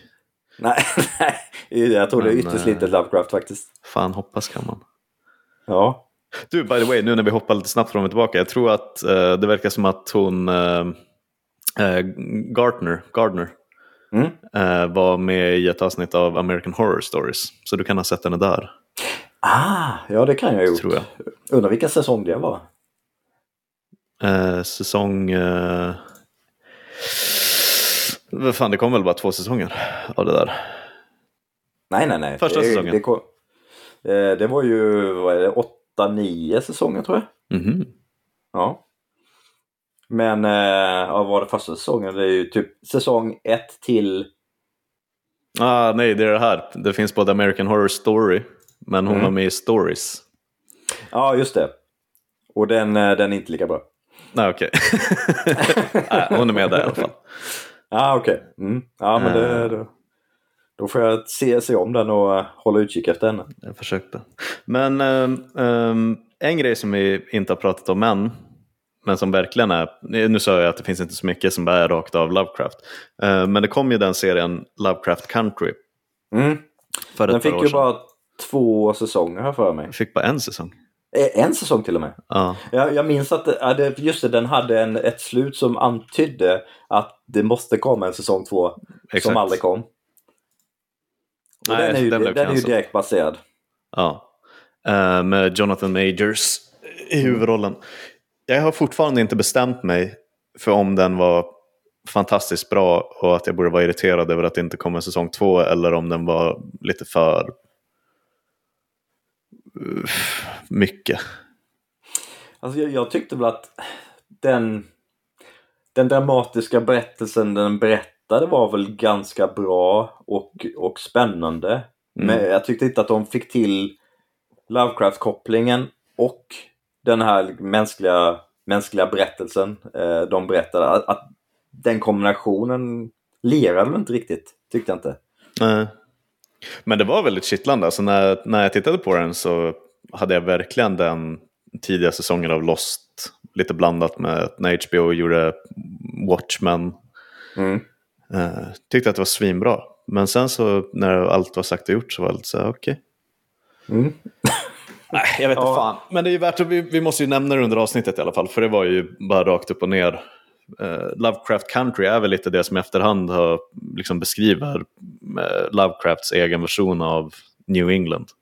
Ja. Uh, och de, den, fi, de, fi, de, fick ju bara, de fick ju bara möjligheten att, att påbörja den berättelsen. Mm. Man får inte se jättemycket av eh, det som är Lovecraft Country-berättelsen. Nej. Det, det, är ju det är typ startskott till den berättelsen egentligen. Men den, men, men den, den gör det bra. Ja. ja. Men, eh, och sen om man ska se, se till så här verk som är direkt eh, baserade på så är ju In the Mouth of Madness Eh, den här filmen från 95 med mm. vår gode Sam Neill. Eh, den är ju direkt baserad på ehm, eh, ja, vilk, det var väl At the Mountains of Madness tror jag, mm. som den är baserad på. Ehm, och eh, det, det, är inte, det är inte samma händelse som händer i, i båda, men, men liksom, storybeatsen är samma och det, det utforskar det här liksom, eh, ett, ett, ett sinne som börjar bli mer och mer galet. Man, man kan inte riktigt lita på det man, det man upplever. Så det, även om titeln inte är exakt samma och det är inte exakt samma händelse så är den, den är väldigt baserad på At the Mountains of Madness. Mm. John Carpenter. Exakt, mm. exakt. Var, vi hänvisade till den filmen tidigare. Ja, just det. Ja. Eh, men tack för att du rättade mig, för jag tror jag sa att den hette At the Mountain of Madness då. Men ah, du har ju helt rätt, de har ju lite mixat eh, Shadow over Innsmouth och den andra tiden så det blir In the Mouth of Madness. Eh, men på tal om Sam Neill, Lövet. Mm. En film som dyker upp på listorna är ju Event Horizon. Mm. Och den är inte direkt baserad på någon Lovecraft-berättelse men den har ju också, den checkar ju för ganska många boxar kan man säga. Ja, jag vet. Alltså, du vet, superkort så är det ju att eh, ett väldigt så cutting edge eh, rymdskepp kommer plötsligt tillbaka. Det har varit borta i flera år. Så mm. de åker dit för att ta reda på vad fan som har hänt. Och så visar det sig eh, lite, du vet, eh, sakta så sakta så blir ju alla i besättningen galna. Mm. Eh, och, och det börjar gå upp för Sam Neill att det här skeppet har gjort en resa till en annan dimension. Mm. Men jag tror inte, jag tänkte nog inte på den som en Lovecraft-film förrän jag såg den dyka upp på listorna inför det här avsnittet. För att jag trodde alltid att taken var att skeppet hade varit i liksom någon motsvarighet till det kristna helvetet och kommit tillbaka.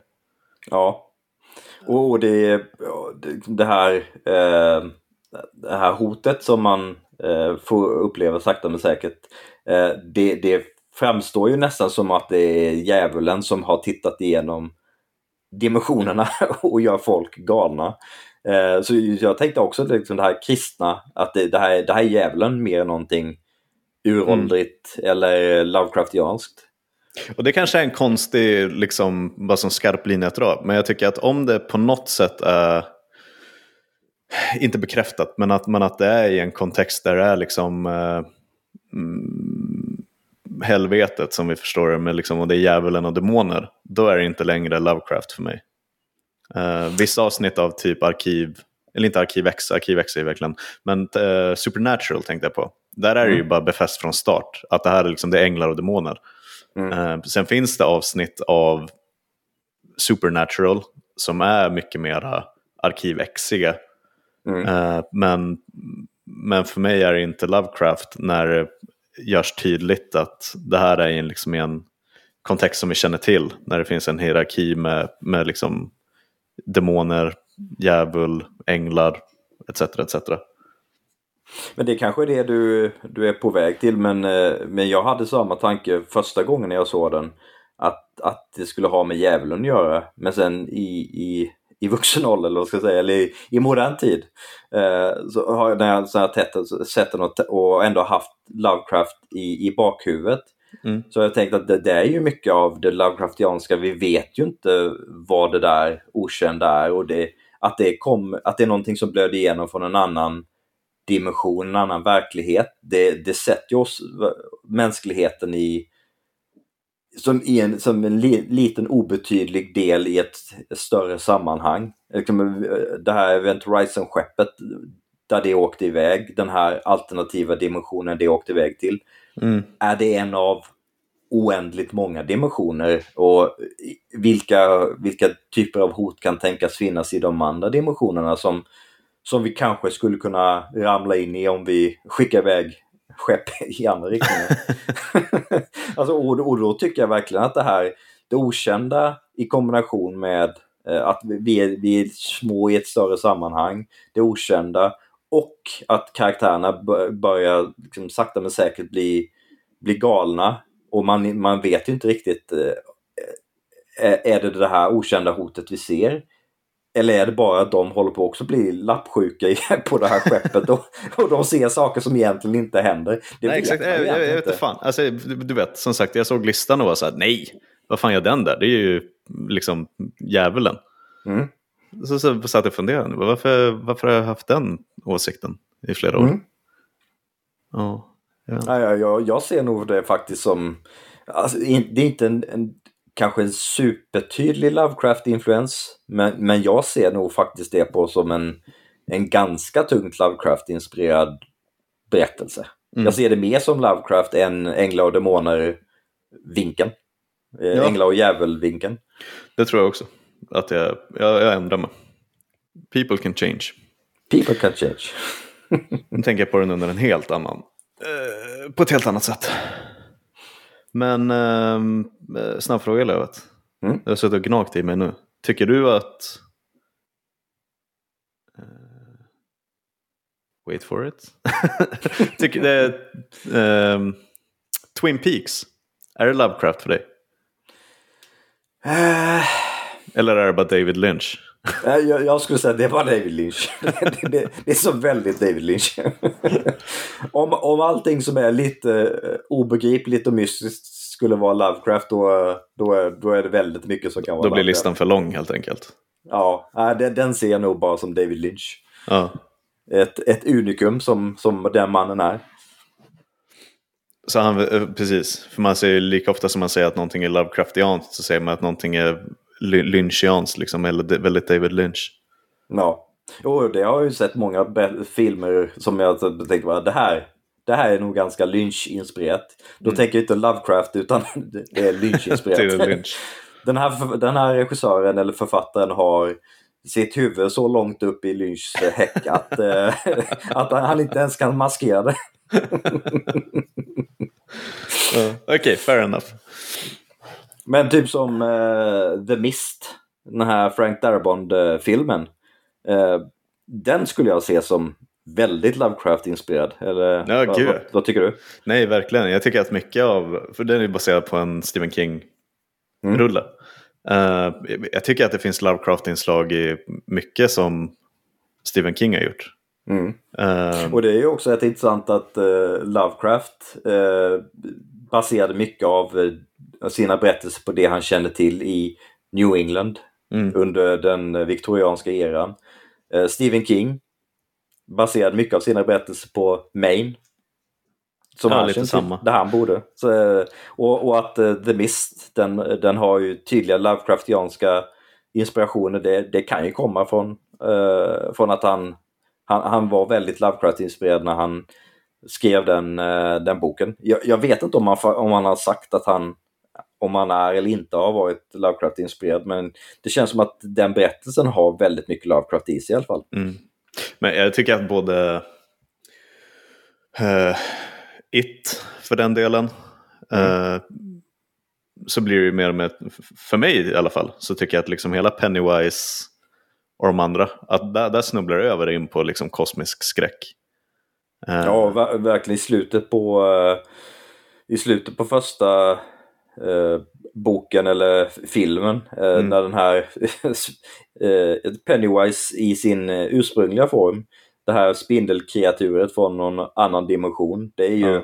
det är ju väldigt mycket Lovecraft över. Väldigt mycket Lovecraft överlag. Jag tycker till och med att, du vet, The Shining, liksom speciellt Kubricks film, mm. den har ju verkligen den liksom Call of Cthulhu-stämningen på att det, är nästan oformbart vad det är som drabbar Jack Nicholson. Men att han blir ju galen på samma sätt som folk blir, blir galna i Lovecrafts verk. Liksom. Mm. Uh, och att det aldrig riktigt görs tydligt varför eller hur eller vad, vilka krafter som ligger bakom. Ja, för läser man boken så är ju det här, alltså The Shining, de, mm. de som har den här förmågan och det, det som existerar bortom vad, de, vad vanliga människor kan se. Mm. Det, är ju, det är ju inte så mycket Lovecraft som det är i, i filmen för där, där kan man ju verkligen ställa sig frågan, är det här lappsjuka, börjar han bli galen eller, eller finns det här The Shining. Eh, mm. folk, som, folk som skiner och kan se eh, andra som, eh, som gör det. och de här döda människorna på, på hotellet som, som visar sig för, för sonen och som, som driver Jack till Jack Torrance till vansinne. det, det är mycket mer Lovecraft i filmen än i, i boken, mm. skulle jag säga.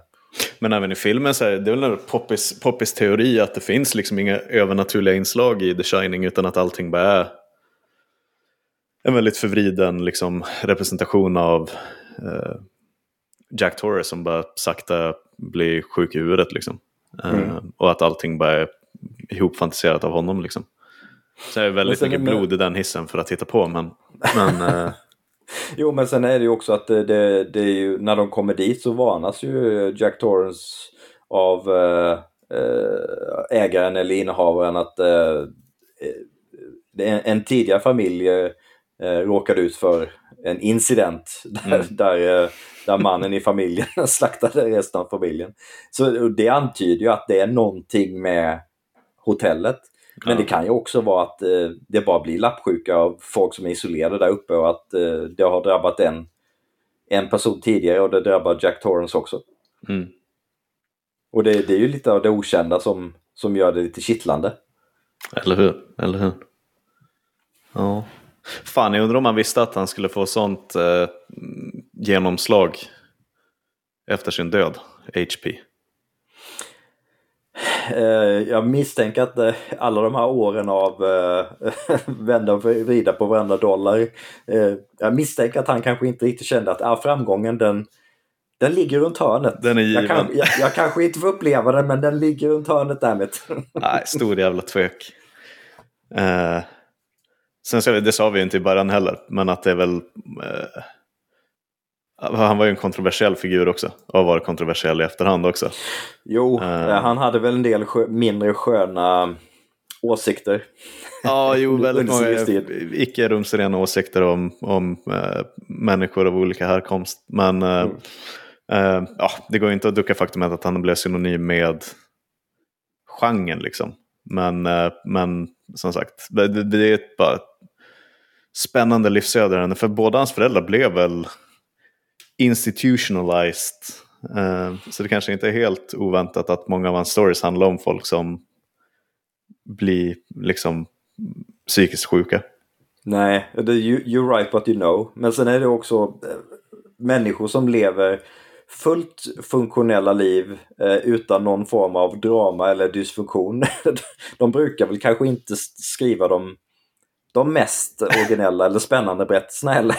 Men det var därför jag tog upp du vet, van Gogh och Edgar Allan Poe där tidigare. Mm. Nu var ju Edgar Allan Poe bara en direkt liksom, inspiration till Lovecraft. Men också så liksom man målar fan inte på det där sättet om man är helt, helt hemma. Nej, nej. Om man har alla, alla, alla öl i sin back så gör man inte riktigt det. Exakt. oh. Oh. Uh, men eh, eh hur känner du? Eh, ska vi gå vidare till en tipsrunda? Eller har du några fler exempel som du gärna lyfter upp på vad som är eller inte är Lovecraft? Mm. Så jag tycker att vi har, jag tycker att vi har hackat upp det rätt bra och satt ihop det igen. Uh, så jag kan definitivt tänka mig att gå vidare till tips. Det har ju varit redan väldigt, uh, väldigt många tips. Så jag tycker att vi, bara, vi, vi, vi flyter bara dit strömmen för oss. Helt mm, enkelt. Mm, jag, jag, tycker också det. Uh, vill du börja eller ska jag?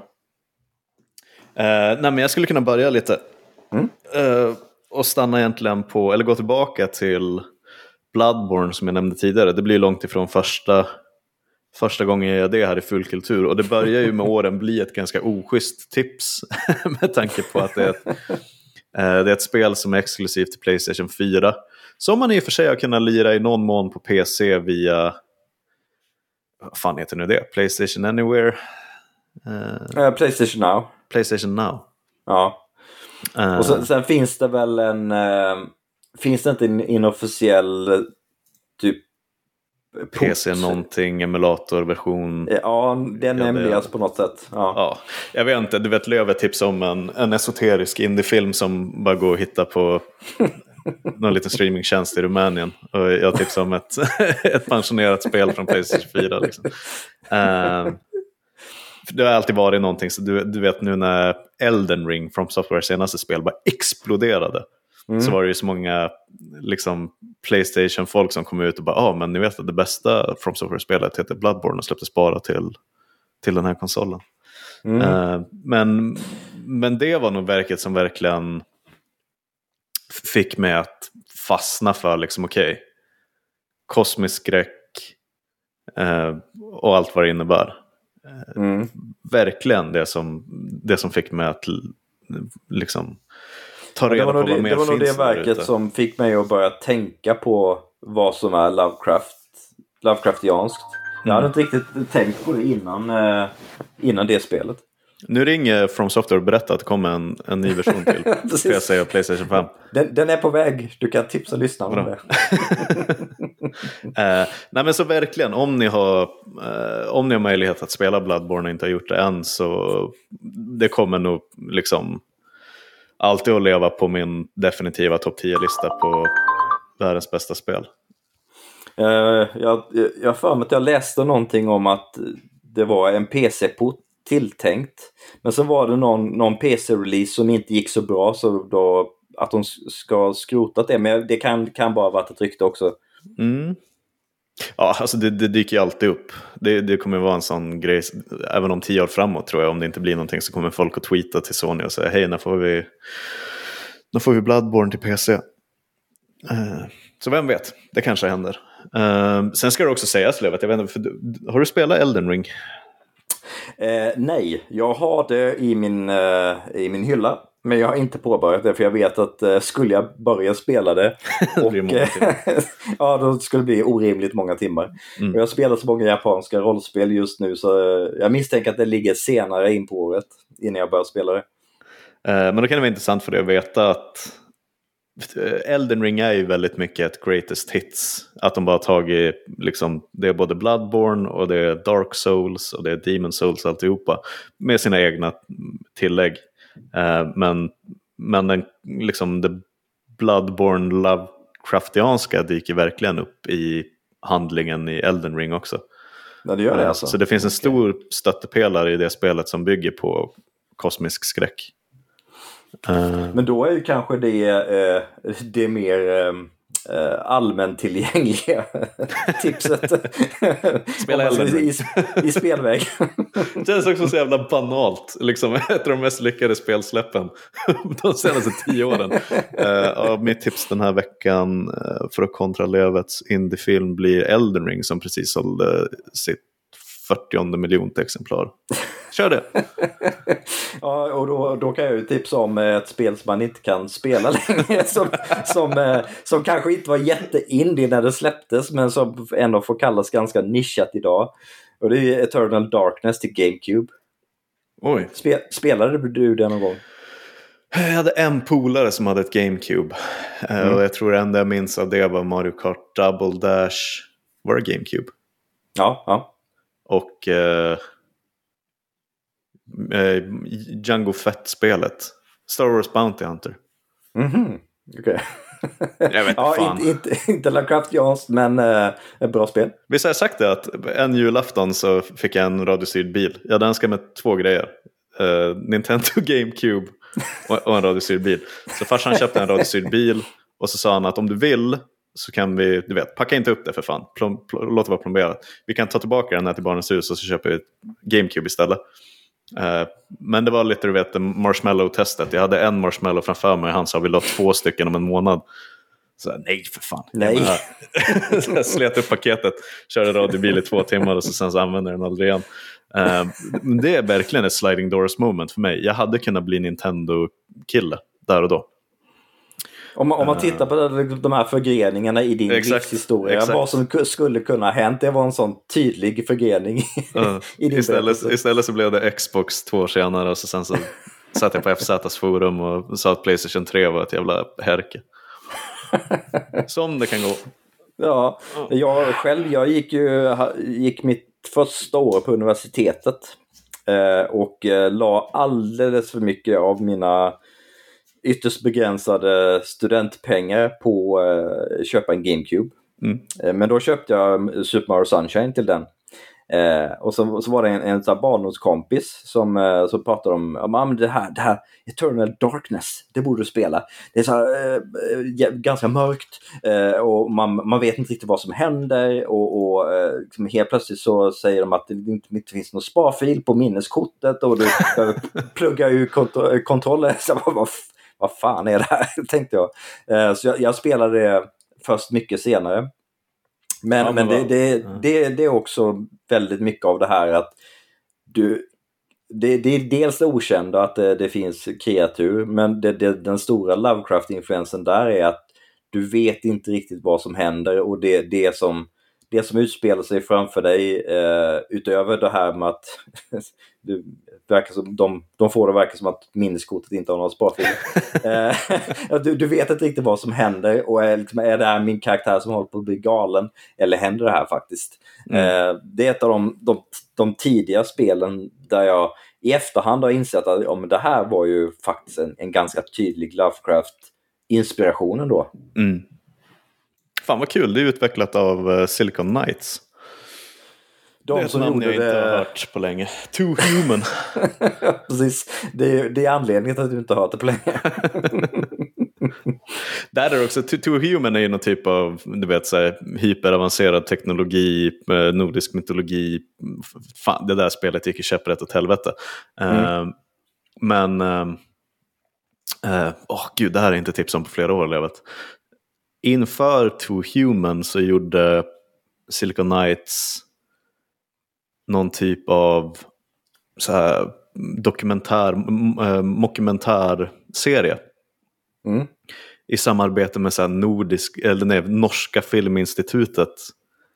Eh, såg ut som att det var rippat från en VHS typ. När de pratade om att de har hittat, hittat liksom the Goblin Man of Norway i, i den nordiska isen. Mm.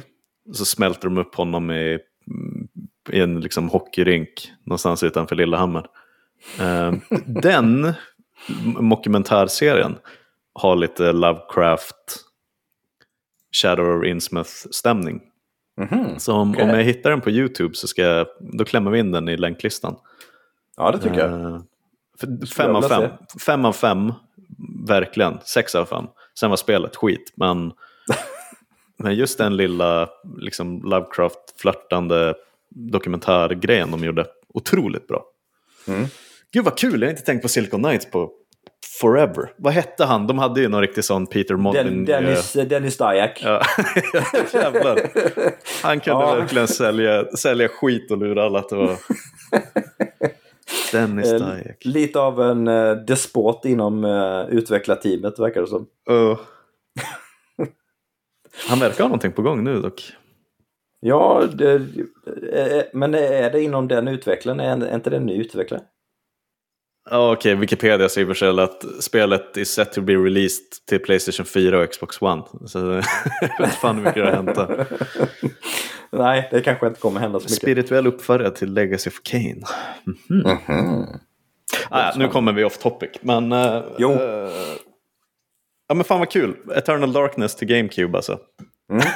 Så det är en, en annan indie-titel som jag inte har spelat men som jag har i min hylla också. Som, eh, som ska ha en, en väldigt Lovecraftiansk eh, berättelse. Mm. Eh, Call of the Sea. Vilket ja. är typ som en så walking simulator, mystliknande så peka och klicka-äventyr.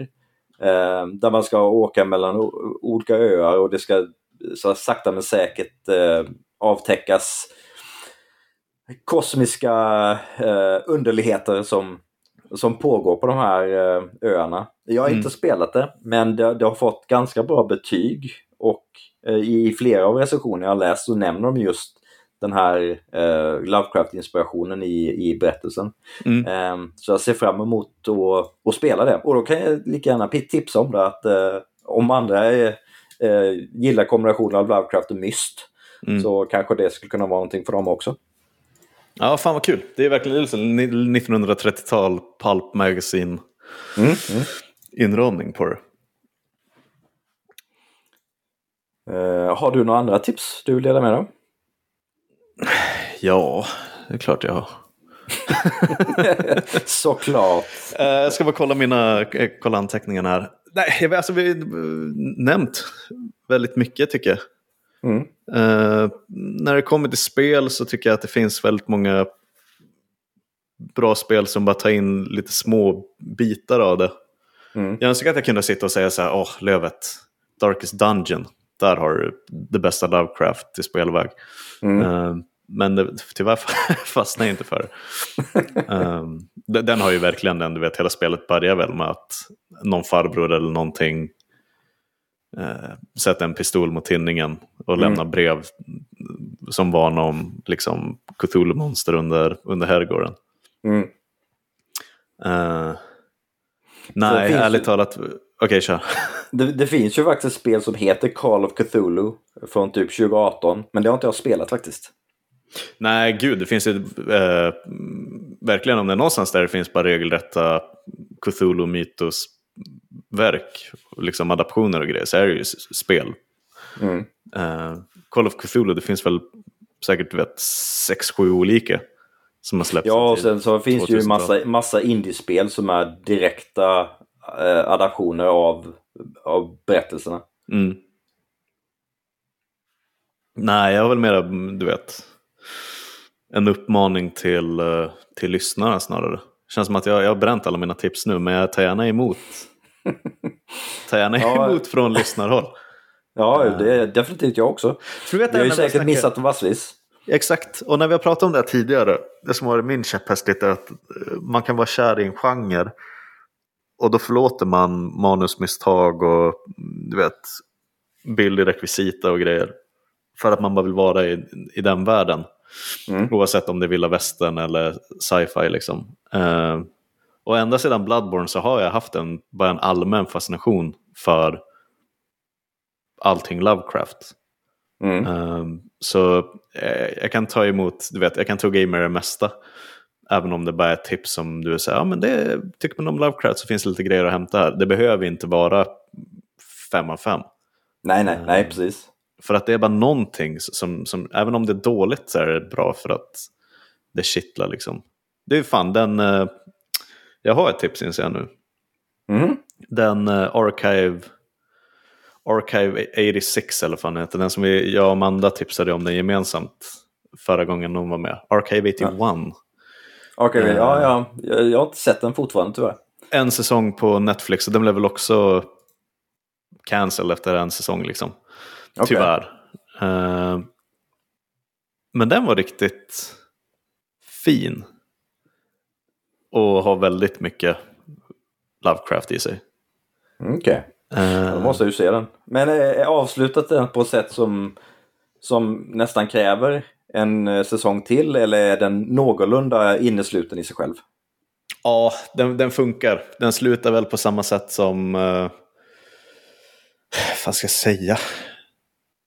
Den slutar lite som första Pirates gör.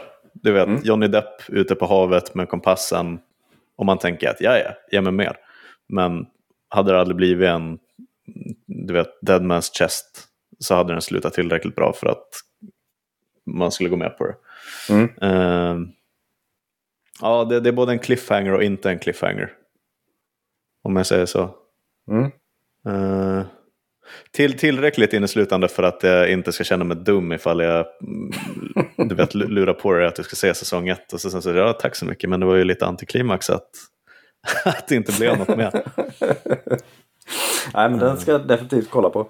Tillräckligt bra för, för alla att titta på, men du vet, i synnerhet folk som uppskattar Lovecraft. Mm. Uh, skulle jag säga. Ja, bra tips. Mm. Jag tänkte att jag skulle avsluta med bara bränna av ett gäng eh, tips som jag Kör tycker är värt att eh, så att vi kan lägga med dem i länklistan så folk som gillar Lovecraft kan eh, spana in dem också. Så får jag säga ja eller nej även om jag inte har sett dem? Exakt. Mm. Den första är en, en, film som jag har nämnt tidigare under vårt, eh, vårt avsnitt om eh, the, the one, the only. du vet vem jag ska säga eller? The one true God. Nicolas Cage. Exakt. Får jag gissa film det är då också? Ja.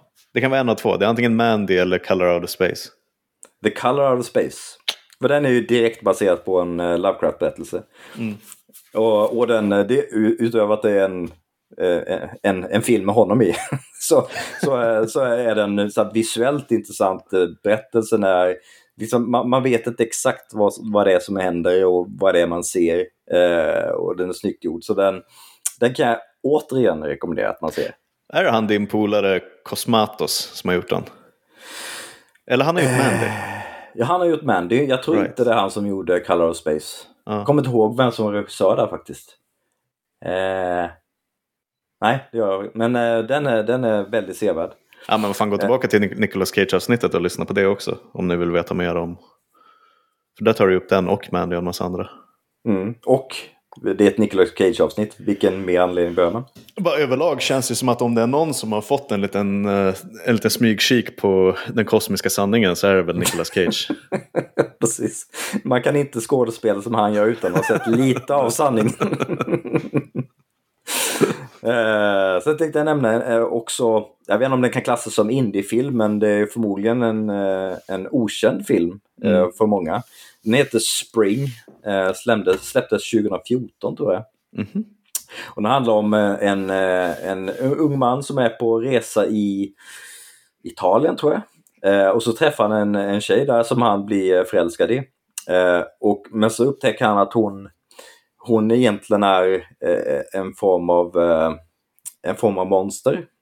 Och eh, han, eh, det enda som eh, för, jag kommer inte ihåg detaljen exakt men det är någonting att hon hon behöver ha det här förhållandet för att hon inte ska förvandlas till det här monstret igen. Och, och hans, hans stora dilemma blir ju eh, jag, är, jag är tillsammans med ett monster.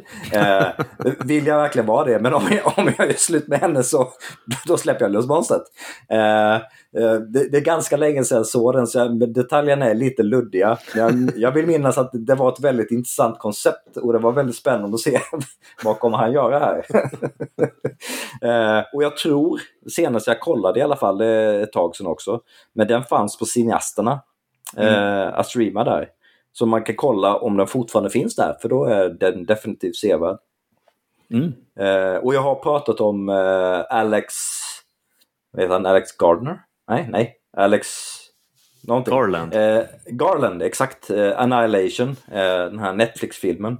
Oh. som också utforskar parallella dimensioner och det vi, det vi ser. Det är de här forskarna som ger sig ut i den här den här bubblan som innesluter en annan typ av dimension där eh, vår, våra biologiska varelser för, förvrids till eh, andra abnorma, skriva om deras DNA och det, det blir andra eh, saker av de biologiska varelserna. Mm. Eh, och man vet inte riktigt eh, och är, är det här någonting som händer med, med de som går in i det här, den här bubblan? Eller eller är det bara någonting som pågår i deras huvuden? Och den är överlag en, en väldigt intressant och väldigt bra film. Eh, så den kan jag varmt rekommendera. Eh, och sen The Endless. Eh, en film som, det, jag har för mig att det är ganska länge sedan jag såg den också, men det, det är två bröder som, som, som be, besöker en, en sekt. Eh, och, och det utforskar den här delen av eh, sinnes, sinnessjukdom eller att eh, den, gärna, ja, man vet inte om det som det de ser i den, den här sekten, det de besöker där, eh, mm. händer, händer det på riktigt? Eller är det bara någonting som, eh, som händer i deras huvud, huvuden? Um, och jag vet inte om den finns att streama någonstans. Det kan vara så att den bara går att hyra, men inte men den finns inte på streamingtjänsterna. Nej men vad fan, det får väl vara hänt. Ja, men den är, den är en rekommendation också. Mm. Och sen har vi ju pratat om eh, den här HBO-serien The Terror eh, tidigare. Eh, med bland annat Jared Harris och Tobias Menzies. Som vi har pratat om många gånger i den här podden. Kieran Hines, right? Exakt, exakt. Den är ju eh, väldigt det... mycket Mountain of Madness.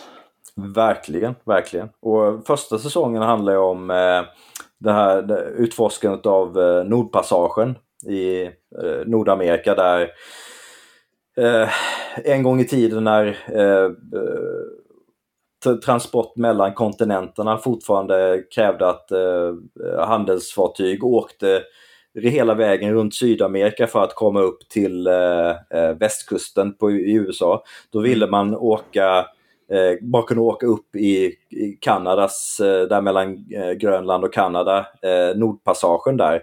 Men, men det var ju så, det är så isigt och så farliga eh, miljöomgivningar där så att eh, skeppen trasades ju sönder och blev infrusna. Eh, och den första säsongen av The Terror baseras ju på, på det, det konceptet men sen så kommer det så Lovecraftianskt, det, det, är något, det är någon terror där ute i Nordpassagen som håller på att ansätta det här fartyget. Eh, och sakta men säkert så plockas de här eh, besättningsmedlemmarna av, eh, av PIN. Och man mm. vet inte riktigt vad är det där? Vad är The Terror för någonting? Eh, den här varelsen, entiteten som håller på att jäcka dem. Mm. Eh, och andra säsongen utspelar sig under andra världskriget. Hur en, en, eh, en japansk, en amerikansk eh, medborgare med japansk härkomst som blir utsatt för den rasismen som eh, som inträffade mot japanska japanskättlade medborgare efter eh, eh Pearl Harbor-attacken. Mm. Men sen så visar det sig såklart att det finns eh, lite mer övernaturliga okända eh, element i den berättelsen. Eh, mm. Jag tycker första säsongen har mer Love Lovecraftiansk eh, inspiration än andra säsongen. Men båda säsongerna är väl värda att se. Mm. Fan spännande. Det, blir, ja. det är ett bra tips för mig. Jag ska ta, ta, ta itu med det där. Om ja, jag ser The Horror kan du kolla på Archive 81 så kan vi jämföra utbyta anteckningar. Ja, då kan vi ta det i nästa avsnitt. Vad har du gjort sen sist? Exakt. it, it, it's gonna be a doozy. uh, Och sen eh, en rolig sak jag kom på när jag satt, eh, satt och förberedde körschema till det här eh, löst hållna, som ni säkert lyssnarna har tänkt på, avsnittet. så kom jag tänka på, men den där Entombed-låten. Oj, det här var oväntat. Ja, en, en svenskt metalband som heter Entombed. De har en låt som heter Stranger Aeons. Och då tänkte jag när, när jag tog fram citatet som vi brukar ha på eh, så här, överst i körschemat eh, mm. från det vi ska prata om. Så valde jag ut citatet That is not dead which can eternal lie and with strange aeons even death may die. Jag tänkte bara, hmm, är, är den Stranger Aeons, är den Lovecraft-inspirerad? Och kollade mm. upp det. Ja, det är den faktiskt. det, det kände inte jag till. Jag tänkte bara, men vad finns det för andra så här, musik, så här, låtar som har någon form av uh, Lovecraft-inspiration?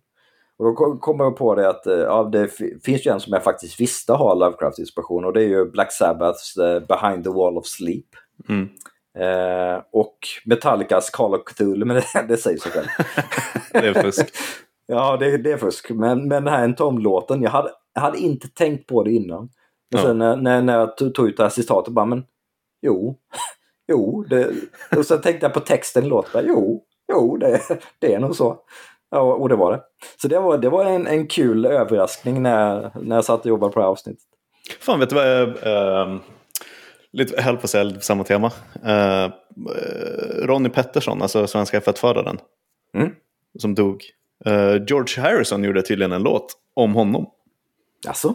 Mm. Vilken låt? Nu frågar du alldeles för svåra frågor.